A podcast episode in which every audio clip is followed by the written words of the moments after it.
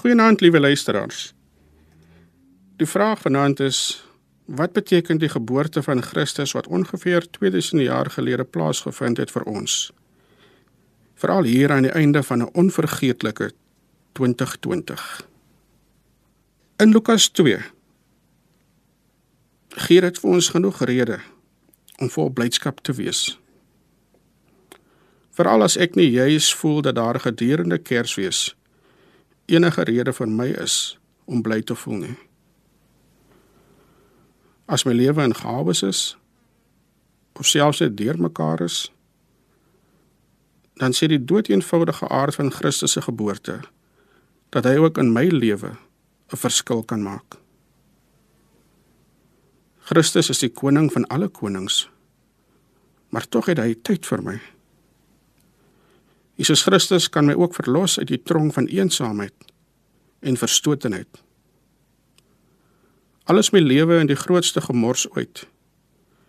Dan sê hierdie geboorte van 'n eenvoudige kind vir my dat daar vir my ook plek is by die koning van die heelal.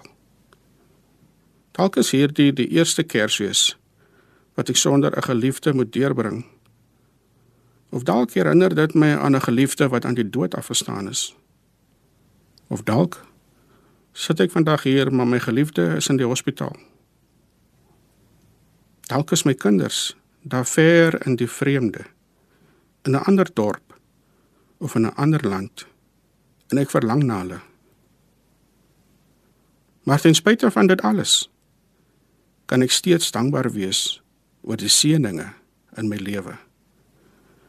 Omdat ek weet dat Jesus Christus my bron van blydskap is.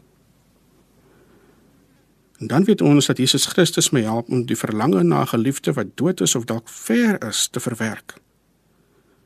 As ek sukkel met 'n lewe wat in gawes gedompel is, dan weet ek dat Jesus Christus vir my 'n anker in die storm is.